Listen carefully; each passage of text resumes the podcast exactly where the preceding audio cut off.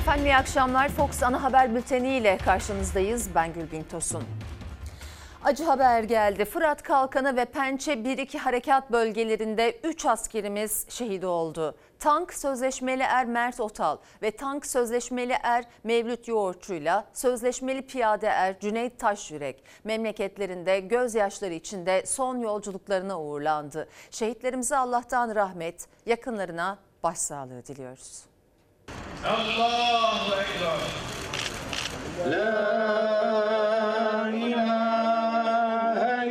Afyonkarahisar, Ankara ve Kırıkkale'ye şehit ateşi düştü. Pençekilit Operasyonu ve Fırat Kalkanı Harekat Bölgesi'nde 3 Mehmetçik şehit oldu. Şehitler son yolculuğuna uğurlanırken Milli Savunma Bakanlığı Suriye'de 25 teröristin etkisiz hale getirildiğini duyurdu. Şehitlerimizin kanı yerde kalmadı, kalmıyor, kalmayacak. Kahraman komandolarımız Fırat Kalkanı ve Barış Pınarı bölgelerindeki 25 PKK ve YPG'li teröristi önleme ve cezalandırma atışlarıyla etkisiz hale getirdi. Teröristleri kazdıkları hendeklere gömmeye devam edeceğiz. Suriye'de Fırat Kalkanı Harekat Bölgesi'nde teröristlerin 26 Temmuz'da açtığı taciz ateşi sonrası tankçı sözleşmeli er Mevlüt Yoğurtçu ve Mert Otal yaralandı. Hastaneye sevk edilen askerler kurtarılamayarak şehit oldu. Gaziantep'te düzenlenen askeri törenin ardından şehit Mevlüt Yoğurtçu memleketi Ankara'ya, şehit Mert Otal ise Kırıkkale'ye uğurlandı. 24 yaşındaki Kırıkkaleli şehit Mert Otal'ın ay yıldızlı bayrağı sarılı tabutuna sarılarak veda etti acılı ailesi. Kardeşi şehit abisini asker selamıyla uğurladı. Esselamu Aleyküm ve Rahmetullah.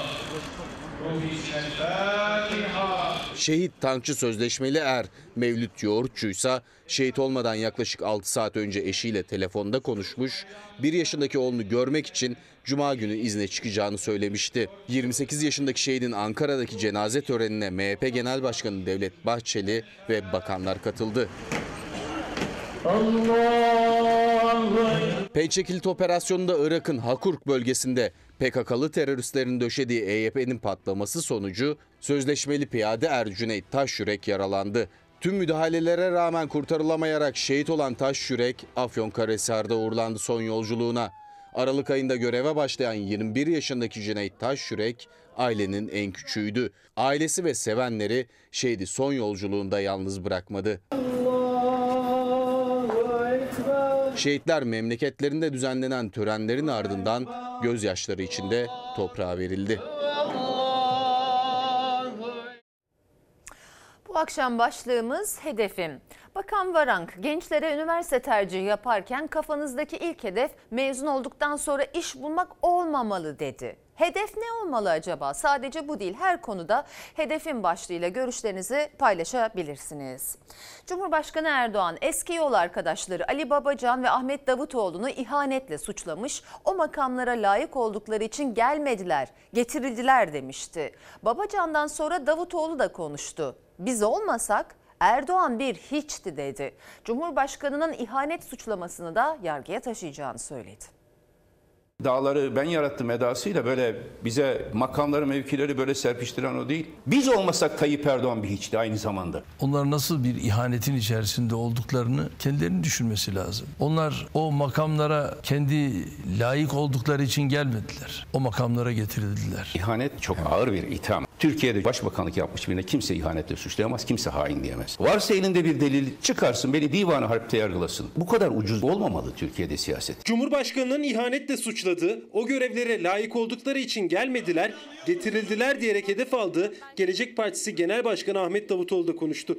Biz olmasak Erdoğan hiçti dedi yargı kartını açtı. Fatih kadı önünde evet. ayakta hesap ver. O zaman Tayyip Erdoğan da hesap vermeye hazır olacak. Türkiye Cumhuriyeti Başbakanı yapmış biri olarak hukuki dava da açmayı düşünüyorum. Eğer onlara bakanlık verildiyse, başbakanlık verildiyse hepsi de onlara bir irade o makamları verdi. Ama onlar bunun kadro kıymetini ne yazık ki bilemedi. Sayın Cumhurbaşkanı oraya oturuyor. O lütfetmiş. Kimseye diyet borcum yok. Layık olmayan birine ülkeyi nasıl emanet etti? Ahmet Davutoğlu TV5 kanalına katıldığı programda en çok da ihanet suçlamasına öfkeliydi. Geldiğim hiçbir yere emeksiz gelmedim. Tırnaklarımla geldim. Uykusuz gecelerle geldim. Çileli yolculuklarla geldim. Bedel ödeyerek geldim. E şu anda masanın etrafında dönüp dolaşıp bir şeyler yapmaya gayret ediyorlar. Benim milletim feraset sahibidir. Kimin ne olduğunu net görür. Sizin gibi düşünmeyen herkes hain mi? Tayyip Erdoğan'ın zihnindeki sadakat, körü körüne kendisine, şahsına sadakat. Benim hiçbir faniye nihai sadakatim yoktur. Ekonomi istikrarda giren raydan çıkmadan gittiyse sizin ekonomi bakanı olduğunuz dönemleri. Siz nasıl orayı terk ettiniz? Trend aşağı inmeye başladı. Öyle çünkü kadrolar yanlış kadrolar. Düzgün kadrolar ayrıldı, yanlış kadrolar geldi bozuldu. Ali Babacan'ın Ankara'nın Evren ilçesinde esnafla sohbeti de Erdoğan'ın sözlerine yanıt gibiydi. Tabiri caizse bizim e, Anadolu tabiriyle söyleyeyim. Kelli belli insan kalmadı ki. Hep celli kollu insanlar kaldı yanında. Tespit doğru. Evrende teşhis konmuşuz. Esnaf bu olayın hepsinin farkında. Hepsi farkında. Babacan mesajı bu cümlelerle verdi Erdoğan'a. Davutoğlu ihanet suçlamasını yargıya taşıyacağını söyledi. Eski yol arkadaşları arasındaki söz düellosunda gözler Cumhurbaşkanı'na çevrildi. Millet İttifakı'nın Cumhurbaşkanı adayı kim olacak? Cumhur İttifakı cephesinden muhalefete adayın açıklanması için baskı sürerken adaylık için ismi geçenlerden İstanbul Büyükşehir Belediye Başkanı Ekrem İmamoğlu konuştu. Adaylık niyetim yok dedi. Gelecek Partisi lideri Ahmet Davutoğlu ise muhalefetin adayının Erdoğan'a karşı kampanyayı çetin sürdürebilecek bir kişi olması gerektiğini söyledi. Ya her akşam Kılıçdaroğlu mu İmamoğlu mu diye aylarca günlerce bu yazılır mı? Benim böyle bir niyetim yok. Böyle bir niyet ortaya konmaz. Bu doğru bir metot değil. Muhalefet cephesinde Cumhurbaşkanı adaylığı ile ilgili ismi geçen İstanbul Büyükşehir Belediye Başkanı Ekrem İmamoğlu öyle bir niyetim yok dedi. Fatih Altaylı'ya konuk olduğu programda. Ben Cumhurbaşkanı adaylığı vesaire diye ortaya çıkmadım ki. İstanbul seçimleri yaşanan iki seçim insanların gündemine, zihnine böyle bir tarif yapmış.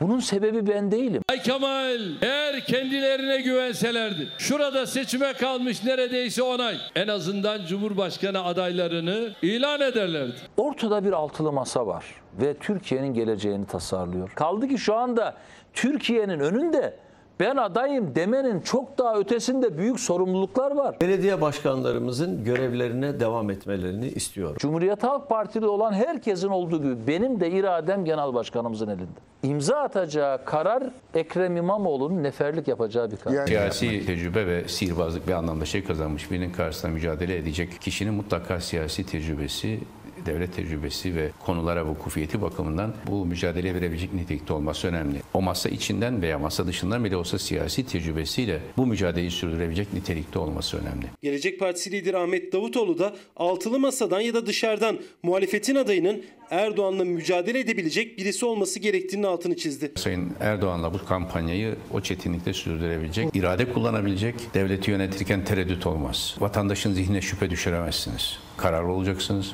Cumhuriyet Halk Partisi'nin birinci parti olduğunu görüyorlar. Öbür taraftan kendilerinin de hızla aşağı doğru gitmekte olduğunu da görüyorlar. Mümkün olduğu kadar seçimi ertelemeye çalışıyorlar. Önümüzdeki yılın Mayıs ayına, Haziran ayına doğru gidebilir miyiz diye mutlaka kafalarında bir takım projeler var. Seçimin tarihi henüz resmi olarak açıklanmadı ama seçime ilişkin çalışmalar hızlandı. Kulislere göre Cumhurbaşkanı Erdoğan AK Parti MYK toplantısında stratejiye vurgu yaptı. Söylemde önde olmalıyız dedi. Toplumda heyecan yaratacak iyi bir de seçim şarkısı istedi. CHP Grup Başkan Vekili Özgür Özel, Mamak Belediye Başkanı AK Partili Murat Köse ile ilgili bir rüşvet iddiasını gündeme taşıdı. Mamak Belediye Başkanı'nın bir iş adamından önce 150 bin dolar ardından 1 milyon lira rüşvet istediğini iddia etti.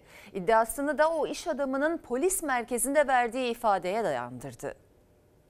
Mamak Belediye Başkanı Murat Köse'nin yanına gittim diyor. Beni belediyede bir odaya aldılar diyor. Danışmanı İsmail Aslan, başkan yardımcısı Ercan Kınacı ve başkan vardı diyor. Senin bu işini onaylattırırız ama cami yaptıracağız 150 bin dolar para vermen lazım. Yalvar yakar kavga dövüş 100 bin dolar anlaştık. Ercan Kınacı'ya naylon poşet içinde 100 bin dolar verdim diyor. CHP'li Özgür Özel'in iddiası bir iş adamının polis merkezi amirliğine verdiği ifadeden okudu. İddiaya göre benzin istasyonu açmak isteyen bir iş adamından Mamak Belediye Başkanı AK Partili Murat Köse önce 150 bin dolar ardından 1 milyon lira rüşvet istedi. Tekrar tekrar gittiğimde de dediler ki diyor o iş büyük şehirde oldu ama Mamak Belediyesi'ndeki işin için 1 milyon TL daha vereceksin. Bu rüşvete Adalet ve Kalkınma Partisi ne diyecek bakalım? İddiaya göre iş adamı benzin istasyonu açmak için Ankara Lalağan'da bir arazi satın aldı. İnşaata başlamak için Mamak Belediyesi'ne başvurdu ama plan uyumsuzluğu olduğu gerekçesiyle Ankara Büyükşehir Belediyesi'ne yönlendirildi. Dönemin Ankara Büyükşehir Belediye Başkanı Mustafa Tuna. Mamak Belediye Başkanı Murat Köse'nin telkiliyle işlem yapılmadığını, başvurunun onaylanmadığını öğrenmiş. Polis merkezindeki ifadeye göre iş adamı Mamak Belediye Başkanı Murat Köse, yardımcısı ve danışmanın da olduğu bir odada görüşme gerçekleştirdi. Büyükşehir'deki sorunun çözümü için iş adamından camiye yardım adı altında 150 bin dolar para istendi. 100 bin dolarda anlaşıldı. Mamak Caddesi üzerinde iş yerinde naylon poşet içinde 100 bin dolar verdim diyor. Bir arkadaşını şahit gösteriyor. Üçünün de telefon numaralarını söylüyor ki kayıtlardan aynı mekanda buluştukları tespit edilebilsin diye. Aynı gün Büyükşehir'deki işim çözüldü diyor. Mustafa Tuna'nın dönemi. İddiaya göre Büyükşehir'deki sorun çözüldü ama iş adamının benzin istasyonu yapması için Mamak Belediyesi'nden izin aylarca çıkmadı. Bunun üzerine iş adamı bir kez daha Mamak Belediyesi'nin kapısını çaldı. Mamak Belediyesi'ndeki işin için 1 milyon TL daha vereceksin. 6 Haziran 2022 günü Belediye Başkanı Murat Köse ile görüşeyim. Kapıya talimat verilmiş, belediyeden sokulmadım diyor ve darp edildim diyor. Mamak Belediyesi'nin hakkındaki suç duyurusu nedeniyle karakolda verdiği ifadede anlattı. O iş adamı rüşvet iddiasını CHP'li Özgür Özel hem o ifade tutanağını paylaştı hem de iş adamının konuşmasını. İşte bize bir bağış daha yapsın. Bu ne hayır yani ben dedim ben size bağış yaptım yani. Geldim söyledim bunu ısrarla. Benden ne bağışı bir daha istiyorsun? Ya işte orası büyük şehirdi. Orası biz büyük şehir için aldık. Burayı hallettik. İş adamı bağış adı altında kendisinden rüşvet istendiğini, vermediği için de işlemlerinin yürümediğini söylüyor. Mamak Belediye Başkanı AK Partili Murat Köse ise rüşvet iddialarına ilişkin henüz açıklama yapmadı. CHP'li Özgür Özel'in rüşvetle suçladığı Mamak Belediye Başkanı Murat Köse ise Melih Gökçek'in yaptırdığı ve 801 milyon dolarlık hurdaya dönüşen Anka Park üzerinden Mansur Yavaş'ı hedef aldı. Anka Park'ın bugünkü ziyaretçileri AK Partili Büyükşehir Belediye Meclis üyeleriyle CHP Parti Meclisi üyeleriydi. AK Partili Mamak Belediye Başkanı Köse parkın son hali için Yavaş'ı suçladı. Anka Park'a talip olduklarını açıkladı.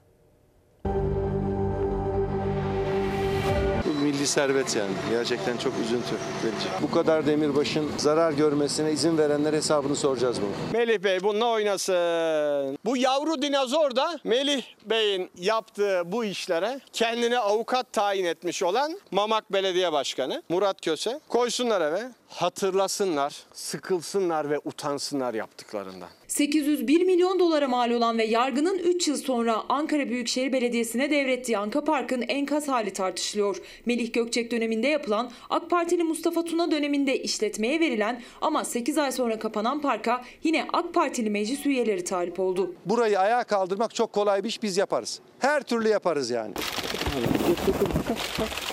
Yavaş ya.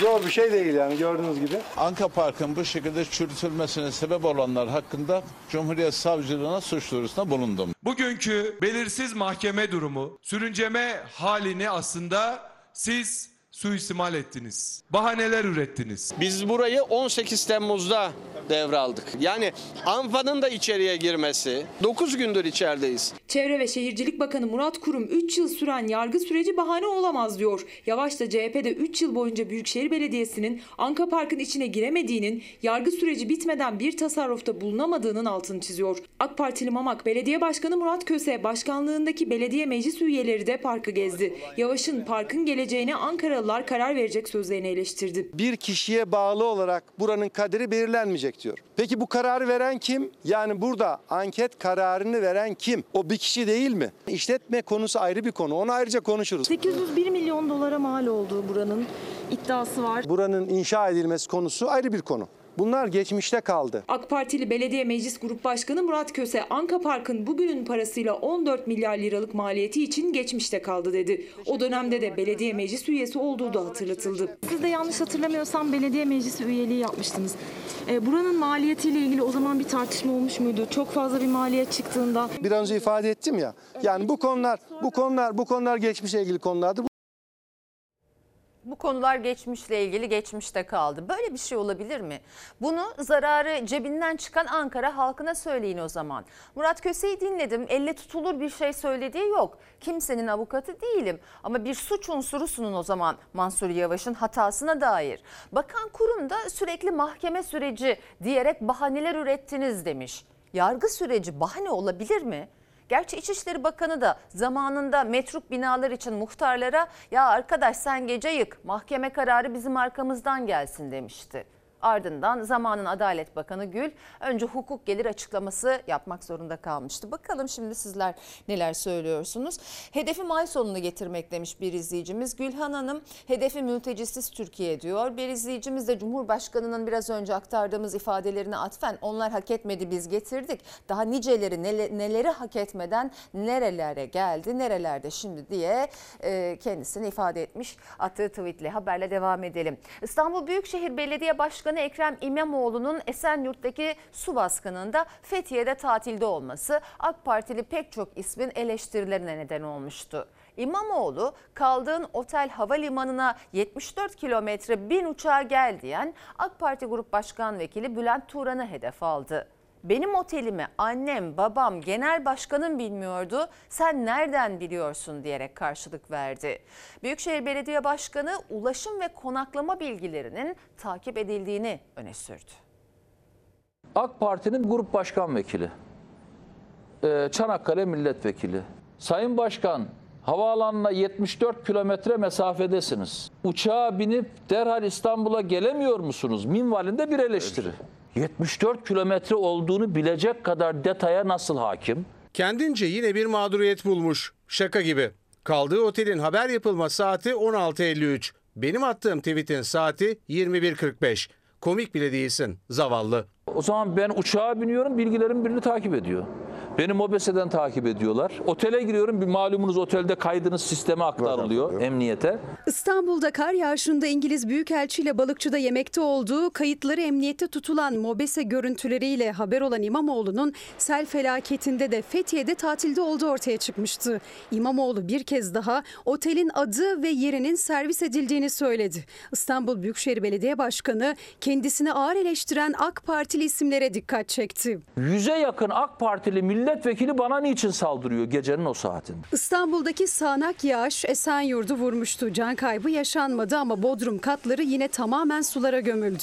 İki yıl önce de aynı adreste yaşanmıştı su baskınları. İçişleri Bakanı Süleyman Soylu Ankara'daki selde olduğu gibi yine çizmesiyle İstanbul'daydı. Koca İstanbul'da sadece bir sokakta ve işin devam ettiği bir yerde sel oldu. Tek bir nokta. Sadece orası.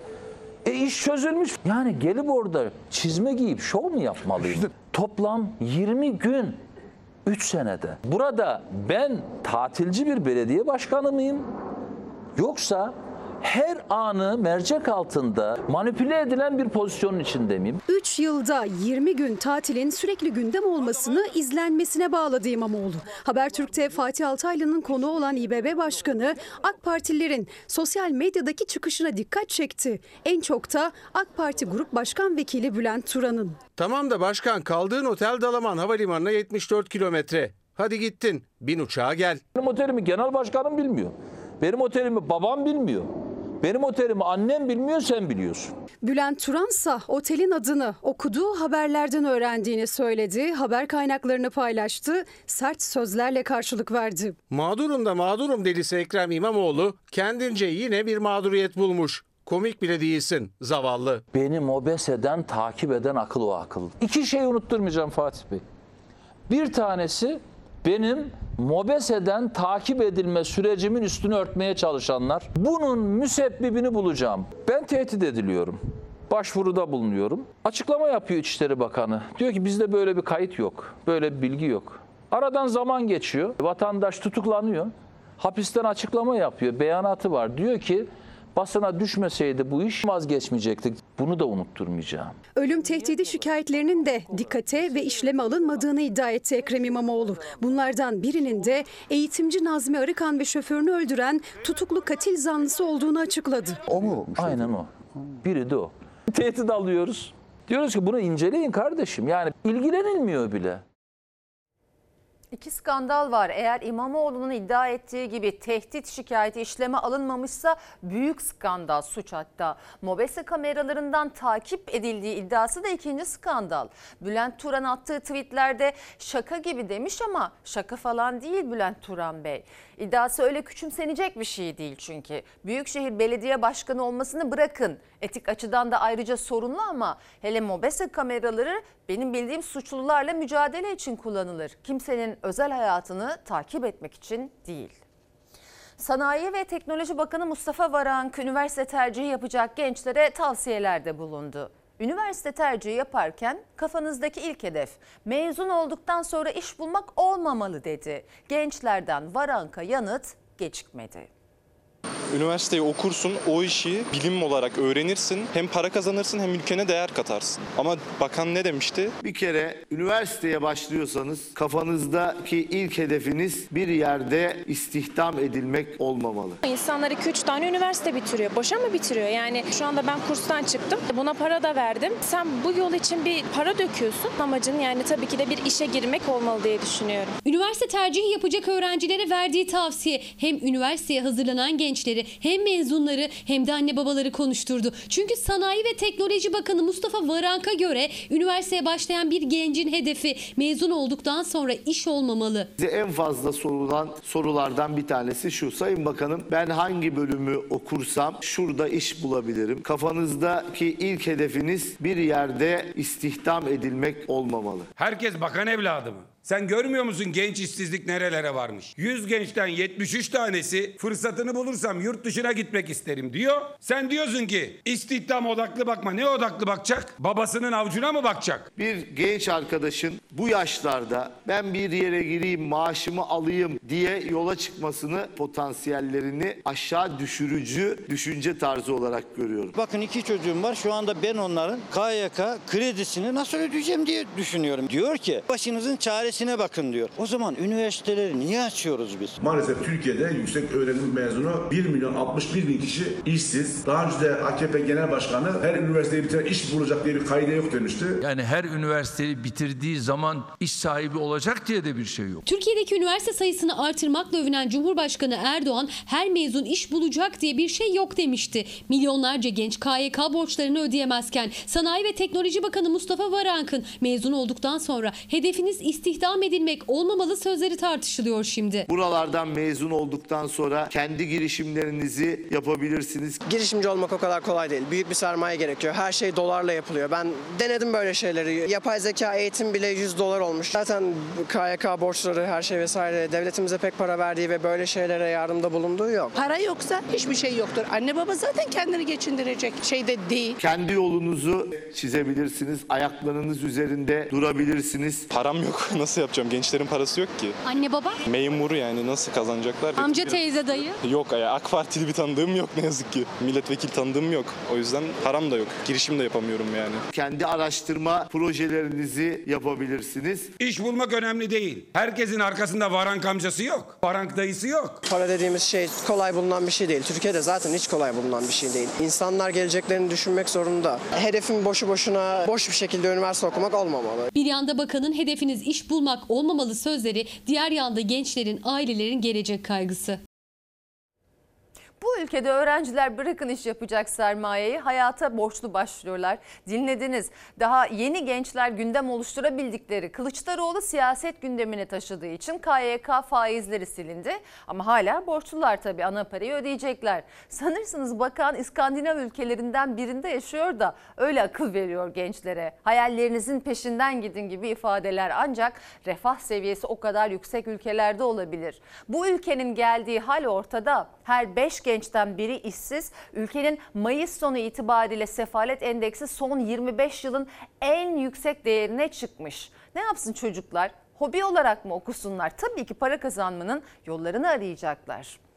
Sayın seyirciler özel tüketim mi değil mi tartışma otomobildeki ÖTV oranı üzerinden başladı ama pek çok temel ihtiyaç sayılan yine de ÖTV alınan ürünler var. Avrupa Birliği'nin getirdiği ÖTV sistemi Türkiye'de Avrupa Birliği uyum sürecinde girdi ama bugünkü ÖTV'li ürünler listesinde yok yok. Dar gelirlinin mutfak tüpü de, her evin demirbaşı buzdolabı da. Listede başka şaşırtıcı kalemler de var. dar gelirli vatandaşın talep ettiği bir ürün bu. Mutfak tüpünden, doğalgazdan, tırnak makasından, törpüden. Yani geldiğimiz noktada elektrik süpürgesi lüks tüketim olabilir mi ya? Hayır zaruri ihtiyaçlar bunlar. Şu an zaten e, bir şey yiyemiyoruz, alamıyoruz dışarıdan. Dışarıda yemek yediremiyorum ben çocuğuma. Dün hamburger istedi. Alamıyorsun çünkü çok pahalı. Benim vergi vermek neyime? Yani olsa da versek ama yok ki. Parası olmasa da vergi yükünü sırtlıyor. Çocuğuna dışarıda yemek yediremeyen annenin yaktığı tüp de ÖTV'ye tabi, dar gelirlinin içini yeteri kadar dolduramadığı buzdolapları da. Bir evin demirbaş eşyası olmasına rağmen özel tüketim sınıfındalar. Temel ihtiyaç diyerek alınan ama bilmeden özel tüketim vergisi ödenen kalemler bu kadarla sınırlı değil. Duyduğunda tüketiciyi şaşırtan eşyalar da var ÖTV listesinde. Karışık bir liste, 4 sayılı liste. Onun içerisinde de tırnak makasından törpüye, güneş kreminden tıraş köpüğüne. İnanmıyorum. Gerçek tırnak makasından da. İnanmıyorum ya. Yok. Çok saçma bence. Benim parmağımda pırlanta yok ama e, tırnağım için kullandığım makasın ÖTV'si mi var? %20 ÖTV'si var ama elmas, pırlanta, yakut gibi değerli taşlarda ÖTV bulunmamakta. Sıfır ÖTV. Nerede mantık var? Hiçbir şeyde mantık yok ki mantık arayalım. 2002 yılında AB üyeliği uyum süreci kapsamında ÖTV uygulanmaya başlandı. Amaç lüks tüketim üzerinden adaletli vergi almak ve sağlığa zararlı ürünlerin tüketimini azaltmaktı. E, Artık geldiğimiz noktada özel tüketim vergisi neredeyse ömür tüketim vergisine dönüşmüştür. Mutfağın her tarafı ÖTV aslında bir evde. Buzdolabı, çamaşır makinesi, bulaşık makinesi, fırın, elektrik süpürgesi, dayanıklı tüketim aletlerinin çoğunda %6.7 özel tüketim vergisi uygulandı. Buzdolabı da kalkmaz abi. O da temel ihtiyaç. O da temel ihtiyaç yani buzdolabı. Yaz baksana bak çoğunu dolabı yenilemiyor çoğuları. Yenilemiyor yani.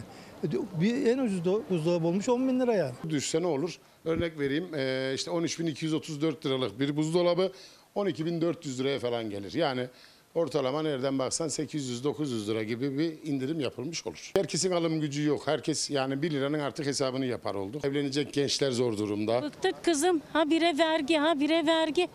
Yani yemeğe bulamıyoruz, vergi ödüyoruz. Yemek iki günde, üç günde bir bir yemek yapıyoruz. İki üç günde mi? Tabii ki bir tencere yapıyorsun, üç gün yiyorsun kızım. Her gün her gün yemek yapmıyoruz ki. Her gün yemek yapamıyoruz diyen dar gelirlinin mutfağında kullandığı doğal gazında ve hatta mutfak tüpünün de ÖTV'si var. 12 kiloluk bir mutfak tüpü 315 lira ve yaklaşık 21 lira 25 kuruş ÖTV. Son 16 yılda sadece özel tüketim vergisinden 1 trilyon 600 milyar lira para toplanmıştır. Önceden nerede kaşıkla verip kepçeyle alıyorlar. O geçti artık çay kaşığıyla verip tencereyle çekiyorlar yani. Yat, kotra, gemi almak isterseniz yok mesela ÖTV. Şimdilik sıcak çayda ÖTV yok ama soğuk çayda ÖTV var. Ona dikkat etmek lazım. Maalesef izah olmayanın mizahı oluyor bizim. Cumhurbaşkanı Erdoğan her evde araba var dese de istatistikler tam tersini söylüyor. Otomobil sahipliğinde Avrupa'da sonuncu sırada Türkiye. Türkiye'de 1000 kişiye 162 araç düşüyor. Avrupa'da ise bu sayı 569. Aradaki uçurumun nedeni ise Türkiye'de düşen alım gücü, yüksek vergiler ve döviz kuru. Şu anda bakıyorsunuz her evde araba var. Kapıcısında araba var. Şu anda ikinci el araba yetişmiyor zaten. Bizde şu anda 1000 kişiye 162 adet otomobil düşüyor ülkemizde. Avrupa'daki rakam 569. Dünyanın en yüksek ÖTV'sini ödüyorsunuz. Dünyanın en yüksek vergisini ödüyorsunuz. Cumhurbaşkanı Erdoğan herkesin altında arabası var dedi ama otomobil sahipliğinde Avrupa'da en son sırada yer alıyor Türkiye. Bin kişiye düşen araç sayısı sadece 162. Avrupa'da ise 569. Aradaki uçurumun nedeni döviz, yüksek faiz ve vergiler. Tüketici araç alamıyor, arabası olanlar da marşa basmaya korkuyor. Bu kadar ÖTV, KDV. Ee, aslında bir tane araç alıyorsunuz ama ÖTV ve KDV'den dolayı da iki tane devlet alıyorsunuz. Haftalık ben bir depo 1234 liraya falan doluyor. Ayda 4 depo gitse periyodik bakımları var, vergisi var, işte otoban parası var. Yani gerçekten hem alması hem binmesi zorlaştı. Bugün Türkiye'nin en ucuz aşağı yukarı ulaşılabilir yerli otomobilin fiyatı 400-420 bin bandında. Şimdi 420 bin liralık bir aracı bugün almaya kalktığınızda bu aracın zaten ham bedeli 200 bin lira. ÖTV tek başına yeterli değil. Yani ÖTV'yi sıfırlasanız da indirseniz de yeterli değil. Türkiye'de %45'ten %220'ye kadar özel tüketim vergisi uygulanıyor otomobillere. Tüm vergiler kalksa bile en ucuz otomobil 200 bin lira. Asgari ücretli başka hiçbir harcama yapmazsa 5500 liralık maaşıyla ancak 3 yılda bir otomobil sahibi olabiliyor. Hatta o bile tam karşılamıyor. Durum otomobil satış rakamlarına yansıyor. Yılın ilk 6 ayında 1000 tüketiciden sadece 3'ü araç satın alabildi. Yılın ilk 6 ayın sonunda bizde 1000 kişiye 3.29 otomobil satılmış. Yani 3.3. Avrupa'ya baktığımız zaman ortalama 10.5. Yeni otomobil satın alması artık oldukça zor ama aldıktan sonra da kullanması oldukça maliyetli sürücüler için. Vergisi, bakımı, sigortası, kaskosu derken maliyet arttıkça artıyor. Tek bir depo yakıt bile artık neredeyse 1200 liranın altına doldurulamıyor. Maaşa her bastığında büyük bir sıkıntı. Zaten artık gezmek lüks oldu hepimiz için. Yenisini alabilir misiniz? Ya almam mümkün değil. 3-4 bin lira aylık sade şahsi kullanımda bana masrafı var. Bunun içine vergisi, kaskosu, sigortası dahil. Dahil ettiğimizde bu bana 5 bin lirayı buluyor. Aylık. Aylık. Sadece akaryakıt fiyatları yüzünden bile otomobiller otoparklardan çıkamıyor. Otomotiv uzmanı Erol Şahin'e göre tüketicinin rahatça otomobile ulaşabilmesi için vergileri asgari düzeye indirmenin yanı sıra kredi faizleri ve döviz kurunun da düşmesi gerekli. Vatandaşın bir kere alım gücünün artması gerekir. Öncelikle bugün resmi de yüzde sekseni, reelde yüzde yüz elliyi aşmış olan enflasyonun insani boyutlara yani yüzde onun altına indirilmesi gerekir. Krediye ulaşımın kolaylaşması gerekir. Türkiye, Norveç vatandaşlarından sonra Bulgaristan vatandaşları için de vizeyi kaldırdı. Bulgaristan'dan Türkiye'ye giriş için kimlik kartı yeterli olacak. Kaşar peyniri, peynir, zeytin. Türkiye'nin dana etine bayılıyorum. Çok güzel. Türkiye Bulgaristan'a göre çok çok daha ucuz. Bizim için çok çok daha iyi. Elimce leva bozduruyorum. Elimde euro varsa euro da bozduruyorum. Bir de Bulgaristan'a vize muafiyeti verdin. E sen de keşke karşılıklı bir ülkenin insanlarına vize muafiyeti alsaydın. Türk lirasının değer kaybı karşısında parası değerlenen Bulgar vatandaşlar alışveriş için Edirne'ye gelirken o gelişleri kolaylaştıran bir adım atıldı. Cumhurbaşkanı kararıyla Bulgaristan'a uygulanan vize kaldırıldı. Çok iyi, çok hoş. Buyursunlar gelsinler. Ama bu tip işlerde mütekabiliyet aranır. Bizim vatandaşımız Bulgaristan'da bundan yararlanabiliyor mu? Hayır. Alışveriş için geldim. Artık biz Bulgarlar Türk pasaportumuzu göstermeden Bulgar kimliğimizle gelebiliriz Türkiye'ye. Bizce çok güzel oldu. O bölgeden buraya gelen, alışverişe gelen insanlardan e, daha fazla etkileşim alacağız. Zaten onlar gelmiyor olsa alışveriş yok denecek kadar az. Hayat pahalılığı nedeniyle Türk vatandaşları eskisi gibi alışveriş yapamıyor. Edirneli esnaf Bulgaristan vatandaşlarına vize serbestliği verilmesinden memnun. Bu sabah 4 tane 5 tane otobüsümüz geldi. Kararı duyan geliyor. Biz esnaf olarak çok mutluyuz. Türkiye'yi dünyanın süper gücü yapacaklardı. Üç harfli marketlere döndük. Bulgaristan'ın ucuz pazarına döndük. Bir Bulgar levası şu an 9.28 TL. Zaten fiyat politikamız onların para birimlerinin bizim ülkemizde daha üstte oluşu kesinlikle bizim işimize yarıyor. Fransa Türk vatandaşlarına transit uçuşlarda vize uygulaması başlattı. Ağustos ayında İspanya'da başlayacak. Avrupa'da Türk vatandaşlarına vize kısıtlaması getirilirken geçtiğimiz haftalarda Norveç vatandaşlarının Türkiye vizesiz kimlikle girişi için imzalar atılmıştı. Artık Bulgaristan vatandaşları da kimlik kartlarıyla Türkiye'ye girebiliyor. Türk pasaportunun her geçen gün değer kaybettiği ve Türkiye Cumhuriyeti vatandaşlığının 250 bin dolar, 400 bin dolar daire karşılığı promosyon diye dağıtıldığı Türkiye Cumhuriyeti tarihinin en aciz günlerini yaşatıyorsunuz. Yasemin Hanım e, kur düşünce halay çekenlerle fiyatları Allah artırır diyenlerle ki e, Diyanete bağlı Din İşleri Yüksek Kurulu'ndan böyle bir açıklama gelmişti. Devletin malını e, yiyip bitirenlerle aynı havaya solumadığın bir ülkeye dönelim ne olur demiş hedefim etiketiyle.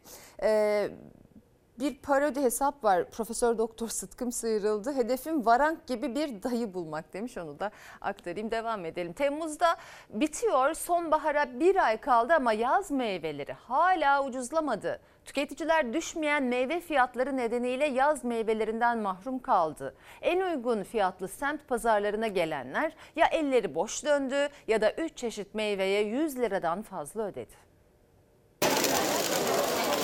Çok pahalı. Bu sene meyve yiyemiyoruz. Çok pahalı. Sebze, meyvenin yanına yanaşılmıyor. Maalesef. Özüm 2 kilo şeftali. Başka bir şey yok. 100 milyon para gitti yani. Ne kadar ödediniz bunlara? Şimdi bunu 60 110 lira şu an bir karpuza bir 2 kilo şeftali. Çeşit meyve aldınız 100 küsür lira. Öyle ucuz dedik ki. Her şey pahalı. Yaz meyveleri diye böyle yazın bir ucuzluk bekliyor muydun? Tabii ki bekliyorduk ama bu imkansız. Yaz meyveleri çok pahalı. Üzümün, nektarinin, muzun yanına yanaşılmıyor. Üzümün, müzümün yanına yanaşılmıyor. 25'ten 30'dan aşağı meyve yok. Keşke olsa daha uygun olsaydı daha alsa. Ama ondan aşağı 20'den aşağı meyve yok ki zaten 25. 3 çeşit meyve alıp 100 liradan fazla ödedi. Meyve fiyatlarının ortalaması 15 ile 20 lira arasında. Hem de mevsiminde en bol olması gereken zamanda. Bir umut yaz aylarında bollaşır, ucuzlar diye bekledi tüketiciler. Market manav yerine pazarlara geldiler ama en mütevazı Zeytinburnu Veli Efendi pazarında bile istedikleri meyveye rahatça ulaşamadılar. Üzüm aldım. 25 liraydı. Çok pahalı. Bamya 40 lira. Yani şunların 100 lira yani bunların hepsi. Geçen yılki fiyatları hatırlıyor musun? Oo yarı fiyattı ki. 6 liraya şeftali bulduğumuz oluyordu 5 liraya. Geçen birkaç yıl öncesine kadar 100 lirayla pazar alışverişi yapabilen tüketiciler şimdi sadece kısıtlı meyve alabiliyor. Yaz meyveleri kayısı ortalama 20, şeftali 10, vişne 22, üzüm 13, kavun 25, çilek 25, karpuzun kilosu 5, 10 kiloluk karpuz 50 lira. Daha hiçbir şey almadık. Yeni alacağız ama her şey çok pahalı. Yani aşırı derecede pahalı. Hiçbir şeye yanaşamıyoruz. Kayısı 20 lira. Evet, nektari 11. Yani şeftali orada 25, şeftali hiçbir şey alamıyoruz. Yarı fiyata kadar düşüktü. Yani bu sene iki katına çıktı. Baya baya pahalılaştı. Artık ne yapacağız bilmiyoruz. Çok pahalı ya. Bir şey alamadık ki zaten. Görmüş olduğunuz gibi alamıyoruz. Gittik geldik o kadar pahalı ki alamıyoruz. En uygun şu anda meyve, eriktir. Başka ne alacağımızı bilmiyoruz. O kadar pahalı ki bir şey alamıyoruz. İnsan kirada olunca düşünmesi gerekiyor. Yazın ortasındayız. Eğer ucuzlanmazsa bu şekilde kimse alamıyor. Yani normalde yazın ortasında daha ucuz olması gerekiyor, daha pahalı. En uygun fiyatlı meyve 8-10 lira ile erik, bazı tezgahlarda nektarin. Zaten uygun fiyatlı tezgahada yoğun ilgi gösteriyor tüketiciler. Herhalde ilgi görecek. Zaten millet bir şey alamıyor. Ne yapsın millet? İllaki satışları şu. Ablam bir kilo alacağını yer. Ya şu şekilde artık pazarlarda kuru yemiş şeyine döndü yani. Yarım kilo, 250 gram herkes bütçesine göre. Konut fiyatları kısa sürede öyle arttı ki artık ev almak, ev sahibi olmak hayali oldu. Merkez Bankası verilerine göre konut fiyatlarında sadece bir yılda %150'ye yakın artış yaşandı. İstanbul Beşiktaş'ta bir evin metrekare fiyatı 50 bin liraya dayandı. Kiralar bu kadar arttığına göre ev fiyatları artmaz mı? Uçtu gitti hepsi şaha kalktılar ya. Mümkün değil kardeşim yok yok ev almak hayal hayal. Benim çoluğum çocuğum hiçbir ev alamaz. Ev sahibi olmak artık hayalden öteye gidemiyor. Konut fiyatları aydan aya artarak rekor üstüne rekor kırıyor. Merkez Bankası Mayıs ayı konut fiyatlarını açıkladı. Konut fiyatları bir önceki aya göre %12,4 artarken yıllık artış %150'ye dayandı. Şu andaki satılık fiyatları alım gücünün üstünde hatta bazı bölgelerde yüzde 200 belki daha da fazla artışlar var. Ev fiyatlarını bırakın insanlar domates alamıyor, patates alamıyor. Bırakın yani ev, ev şurada dursun artık. Temel ihtiyaçlar ve lüks hale geldi. Türkiye'de bir evin ortalama metrekare birim fiyatı 11.945 lira oldu. Ama İstanbul'da rakamlar inanılmaz boyutlara ulaştı. Konut fiyatlarının en çok arttığı ilçe Beşiktaş'ta bir dairenin metrekare fiyatı 50 bin liraya yaklaştı. Beşiktaş'ta iki oda salon işte sıfır bir ev geçen sene 1100-1200 TL isteniyordu. Şu anda o evin fiyatı 3,5-4 milyon civarı. İkinci el 700-800 bile 9 bine bulabiliyordunuz. Şimdi 2 milyondan aşağı bulamıyorsunuz. Geçen sene biraz umutlamıştık hanımla. Bir ev alacaktık. Küçük bir birikimimiz vardı. Bankadan faiz maiz derken evin fiyatı o zaman 500 bin liraydı. Şu an 1 milyon 500 olmuş. Yani artık e, al- alacağımız imkansız yani. Sahil bölgelerinde de yüksek fiyatlar. İzmir Çeşme'de bir evin metrekaresi 34 bin liraya çıktı. Muğla Bodrum'da da durum benzer. Antalya Kaş'ta 30 bin liraya ulaştı metrekare fiyatı. İnanılmaz korkunç rakamlar, şaka gibi rakamlar. Çünkü bir asgari ücretin bugün ülkemizde 5500 olduğunu varsayalım. Rakın metrekaresini hesaplayarak bir ev almayı kira çok zor ödeniyor şu zamanda. Kredi çekmeden ev almak birçok kişi için imkansız ama özel bankalara göre daha düşük faiz oranı uygulayan kamu bankalarında da kredi kullanım limitleri 150 bin liraya kadar düştü. Fiyatlar bu kadar yüksekken o da pek işe yaramıyor. 150-200 bin lira bir birikim olsa bile onun 3 katı 4 katı kadar bir kredi çekmeniz gerekiyor. O da zaten geri kalan ömrünüzü kredi borcunu ödemeye geçiyor. Hem faizlerin yüksekliği hem evlerin yüksekliğinden dolayı istesem bile olamam. Hem ben çalışıyorum hem eşim çalışıyor üstelik. Kazancımız zaten yetmiyor. Bir kredi çekmeye kalksak şu an onu çekme gücüm de yok. Geri nasıl ödeyeceğim? Aldığımız para da belli zaten. Mümkün değil yani şu şartlarda. Kirayı zor ödüyoruz. İstanbul'da ortalama 8 bin lirayı buluyor bir evin kirası da. Kira, depozito, emlakçı komisyonu, nakliye ücreti, elektrik, su, doğalgaz açma bedeli derken bir kiracı için taşınmak en az 40 bin lira masraf demek. Üstelik ev sahipleri artık yasal sınır olan 3 depozitonun üzerinde para talep ediyor kiracılardan. Bu insanlar böyle 30 bin 40 bin maaş almıyor ki. Mal sahipleri daha yüksek depozito talebinde bulunmaya başladılar. 2 aylık 3 aylık istiyor, yıllık peşinat istiyorlar, 6 aylık peşinat istiyorlar.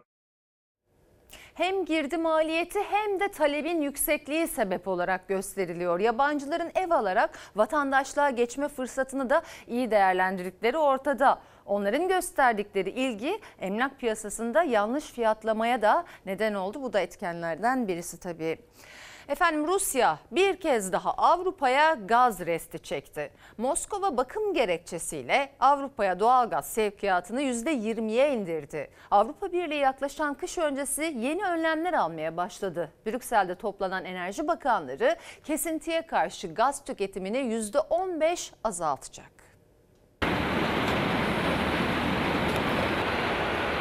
Rusya enerji kartını çekti. Bakım gerekçesiyle Avrupa'ya doğal gaz akışını kıstı. Gaz fiyatları rekor kırdı. Avrupa Birliği ülkeleri önlem almak için harekete geçti. Batı, Rusya'nın Ukrayna'ya işgal girişimine yaptırımlarla yanıt verdi. Moskova sessiz kalmadı. Avrupa'ya karşı enerji kozunu devreye soktu. Geçtiğimiz ay gaz sevkiyatını kısan Rusya'dan yeni bir hamle daha geldi. Hafta başında vanayı yeniden açan Moskova, kuzey akım bir boru hattına gaz pompalayan türbinde bakım yapılacağını duyurdu. Bu gerekçeyle Avrupa'ya gaz sevkiyatını bugünden sonra %20'ye indirdi. Haberle birlikte gaz fiyatları %10 arttı. Avrupa Birliği ise Rusya'nın bakım açıklamasını inandırıcı bulmadı. İddia Putin yönetiminin Avrupa ekonomisini çökertmeyi hedeflediği. Brüksel'de toplanan Avrupa Birliği ülkeleri enerji bakanları kesintiye karşı doğalgaz tüketimini %15 azaltmakta uzlaştı. Kamuda da başta ısıtma olmak üzere tasarruf önlemleri masaya geldi. Fransa gaz sıkıntısına karşı yasakları ilk uygulayan ülke olmaya hazırlanıyor. Ülkede gece yarısından sonra elektrikli reklam panoları çalışmayacak. İş yerlerinde ise klima ya da ısıtma sistemleri çalışırken kapılar açık tutulmayacak. Yasaklara uymayanlar 750 euroya kadar para cezası ile karşı karşıya kalacak. Diş tedavisi sağlık hizmetleri arasında erişilmesi en zor olan tedavilerden biri. Çoğunlukla özel muayenehanelere ve kliniklere gitmek zorunda kalıyor hastalar. Ancak orada da malzemelerin büyük bölümü ithal olduğu için fiyatların yükselişi durdurulamıyor. 1 Ağustos itibariyle özel sektörde diş tedavileri ortalama %30 daha pahalı olacak. Bu ülkenin halkının %70'i %80'i ağız diş sağlığı hizmeti almak zorunda. Hele ki implantlar bayağı yüksek. En son ne zaman fiyat aldınız böyle bir şey için? Valla 3-4 ay önce aldım. Bekliyorum. Ne zaman fiyatlar düşer? Her şey euroya bağlı biliyorsunuz. Ondan sonra ben de yaptırırım. İnşallah. Bütün diş tedavi kalemleri %28 ile %30 arasında artacak. Hastalar bir ümit fiyatlar düşer diye beklerken diş tedavisi her geçen gün daha da pahalanıyor. Çünkü tedavide kullanılan malzemelerin tamamına yakını ithal ediliyor.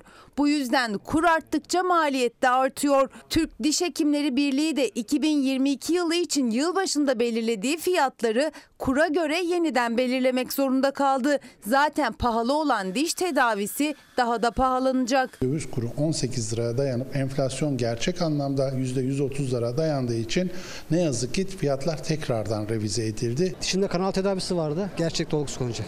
Maliyeti ne kadar olacak? 900 lira. Dişçi koltuğuna oturmak değil artık o koltuktan kalkarken çıkacak fatura korkutuyor hastaları. Çünkü malzemelerin büyük bölümü ithal. Fiyatları hiç yükselmese bile kur farkı nedeniyle her geçen gün daha da artıyor maliyet. Örneğin dolgu için kullanılan bu malzemeler yılbaşından bu yana fiyatı 60 Euro'dan 65 Euro'ya çıktı. Ama kur farkı nedeniyle çok daha fazla zamlandı TL bazında. Bir diğeri ise işte bu protezler yılbaşından önce tanesi 700 liraya yapılıyordu. 2022 yılı itibariyle bir protez 1300 liraya yapılır oldu. 1 Ağustos'tan itibaren ise fiyatı 1800 liraya çıkacak. Porselen dolgu diye tabir ettiğimiz dolgunun fiyatı 2022 yılında 462 liraydı. Bu yaklaşık 700 lira civarına gelecek. Keramik kron 1393 liraymış. Bu da bak 1700 lira civarına gelecek. Yerli implantların 2500 lirayla 4500 lira arasında değişiyor. İthal olan e, işte A segment implantlarda 400 euro ve yukarısında gibi seyrediyor. Dolardaki bu çıldırmış durum ne yazık ki bizim her türlü hizmeti sunmamızda sıkıntı yarattı. Diş hekimlerine göre Türkiye'de yaşayanların %80'den fazlası ağız ve diş sağlığını ihmal ediyor. Oysa ihmal edilen dişler başka hastalıkları da beraberinde getiriyor. Dolaşım sisteminden işte sindirim sistemine bir takım hastalıkların ortaya çıkmasına yol açmakta. Diş eti hastalıklarından 8 kat düşük riski ortaya çıkmakta. Obez çocuk doğma sorunu ortaya çıkmakta. Maddi zorluklar nedeniyle ihmal edilen dişler hem yiyeceklerin tadını tuzunu kaçırıyor hem de içten bir kahkahayı da yok ediyor. Şöyle gönül rahatlığıyla bir kahkaha atabiliyor musun? Kahkaha işte soğuk bir şey yemiyoruz, sıcak bir şey yemiyoruz.